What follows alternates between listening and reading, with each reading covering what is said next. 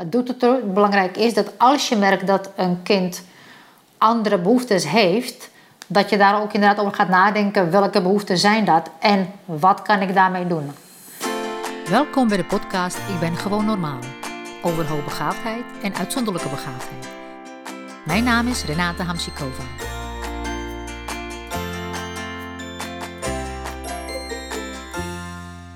Ja, waarom moet eigenlijk het wiel telkens weer opnieuw uitgevonden worden? Die vraag hoor ik regelmatig. En de ouders bedoelen daarmee dat, uh, ook al hebben ze drie kinderen, ze moeten telkens hetzelfde verhaal op school vertellen en moeten telkens op, eigenlijk als het ware opnieuw beginnen met uitleggen waarom hun hoogbegaafde kind onderwijsaanpassing nodig heeft en hoe dat uh, uh, tot stand moet komen.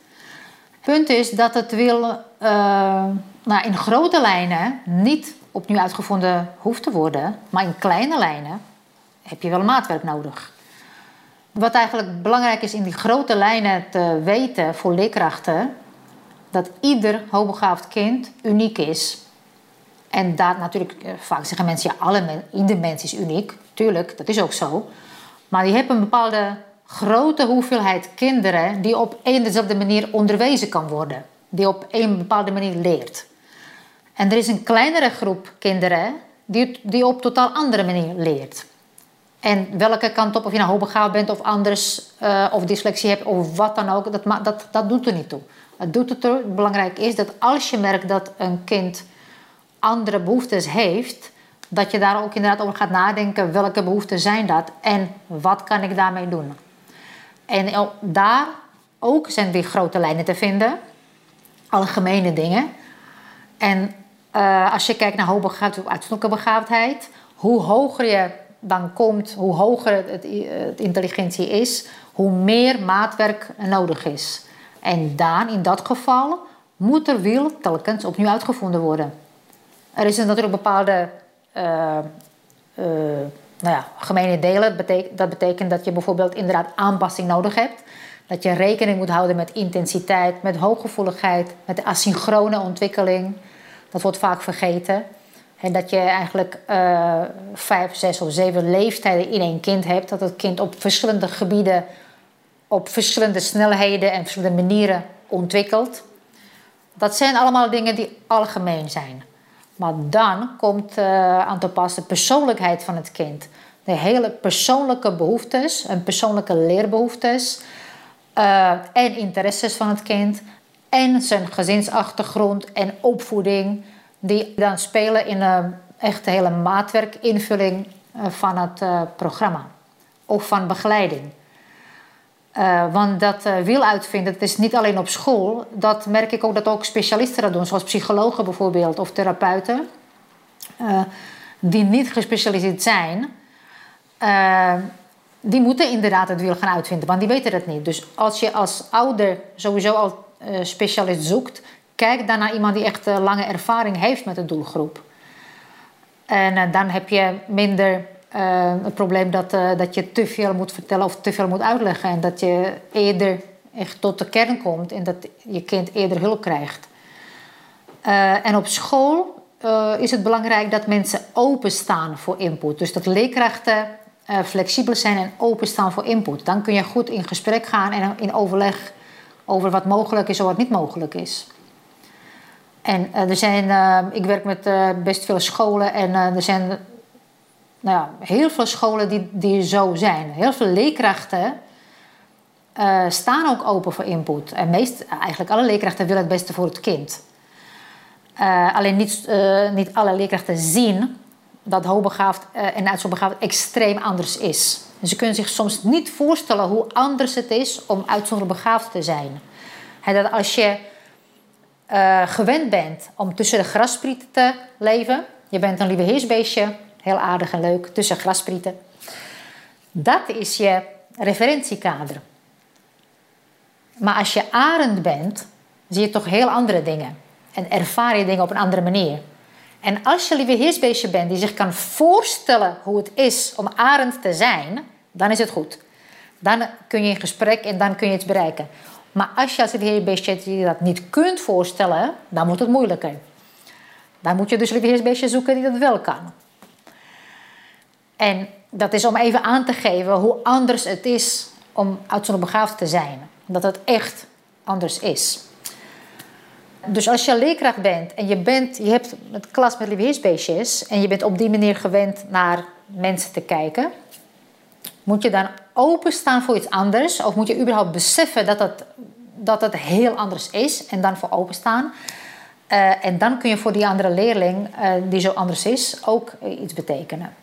Dus dat is denk ik waarom ouders steeds of uh, vaak het gevoel hebben dat het wiel uitgevonden moet worden, omdat dat, ja, dat speelt. Dat is inderdaad zo. Betekent natuurlijk niet dat je als ouder daar je van moet laten weerhouden om het beste voor je kind te bereiken. als je met geduld en terwijl je achter je kind staat en terwijl je de, de behoeftes van je kind in de gaten houdt, kun je dingen bereiken. En ik zeg het zo geduld, maar wel oog voor het kind, omdat dat heel belangrijk is. Als je namelijk te lang geduld hebt met, uh, met, uh, met onderwijssysteem, kan het zijn dat je dus de behoefte van je kind uit het oog verliest. En dat het kind uh, intussen in slaapstand komt en nou, wegzakt. Dus eigenlijk vergt het van ouders bepaalde alertheid, zodat ze en het welbevinden van het kind goed in de gaten houden, terwijl ze zorgen voor het beste mogelijk haalbare leeromgeving voor het kind. En het kan zijn dat je als leerkracht niet beseft dat er verschil is hè, bij mensen tussen weersbeestjes en arends. Uh, je weet wat dat in natuur is, maar je kunt die, dat vertaalslag niet naar uh, je eigen klas maken. Je kunt het als ouder vertellen. Het kan zijn dat, je, dat leerkrachten het niet durven, hè? dus niet durven loslaten. Dus je hebt een bepaalde manier van lesgeven geleerd, een bepaalde manier van doen. En je durft het niet los te laten omdat het onbekend is. En dat bang zijn voor onbekende, dat is menselijk. Dus daarin heeft de leerkracht uh, hulp nodig, misschien intern of extern, om hoe dat te doen. Hè? Dus dat, en, en verantwoordelijkheid delen daarin is vaak ook geruststellend voor leerkracht. Dat de leerkracht niet alleen verantwoordelijk is daarvoor, maar als dat, uh, dus dat er nog iemand anders bij betrokken is. Andere mensen van school, een specialist, ouders. Dus een samenwerking van al die mensen, waarbij dus ouders ook een heel belangrijke rol spelen. Dat je samen verantwoordelijk bent voor de ontwikkeling van het kind. Ze zeggen niet voor niks, uh, volgens mij, takes a village to raise a child. Nou ja, dat is ook zo. Je kunt met z'n allen in overleg. En als de leerkracht een bepaalde weerstand voelt, of bezwaar heeft of, uh, of beren op de weg ziet. Natuurlijk, dat kan allemaal. Dan kun je daarover in gesprek en dan kun je kijken hoe je dat, wat je daarmee aan kunt. Nou, en soms ervaar je dat als star. Hè, dat dat mensen niet durven iets andere weg in te slaan of andere aanpak of iets in te zien wat ze niet gewend zijn. dat kan overkomen als star omdat ze zelf bepaalde angst hebben inderdaad. En dat niet durven los te laten of een bepaalde aanpak... Nou ja, of geleerd hebben dat bepaalde aanpak werkt. En daar kun je doorheen prikken. Doorheen, als je dat, dat, dan moet je sowieso doorheen prikken. Want dat is een persoonlijke angst van de hulpverlener of van een leerkracht. Je kunt daardoor over in gesprek met die betrokken mensen. En als je niet verder kan, als de angst zo groot is dat mensen niet durven los te laten, dan uh, moet je altijd hebben, eh, kijken van is er een plan B, wat kan ik dan doen? Er zijn altijd oplossingen. Jij als ouder en ook het kind weet dat er altijd oplossingen zijn. Jij als ouder weet het. En je, als je kind het ook weet, dan zit het ook niet vast in het onderwijssysteem, welk systeem dan ook. En dan is je kind ook daarin wordt je kind geleerd zelfredzaam te zijn. dus natuurlijk hebben we systeem, onderwijssysteem, gezondheidszorg, alle dingen, regeltjes. Natuurlijk, dat is, dat is nodig, anders wordt het chaos. Maar daarbinnen je, heb je altijd keuzes. Je kunt altijd kiezen, ga ik die kant op of ga ik die kant op. En dat is wat uh, heel belangrijk is voor ouders te weten. En voor, en voor het kind ook, dat die keuze er altijd is. Als je vragen hebt kun je me mailen op renata-iq.nl. Tot de volgende keer. Zorg goed voor jezelf en zorg goed voor elkaar.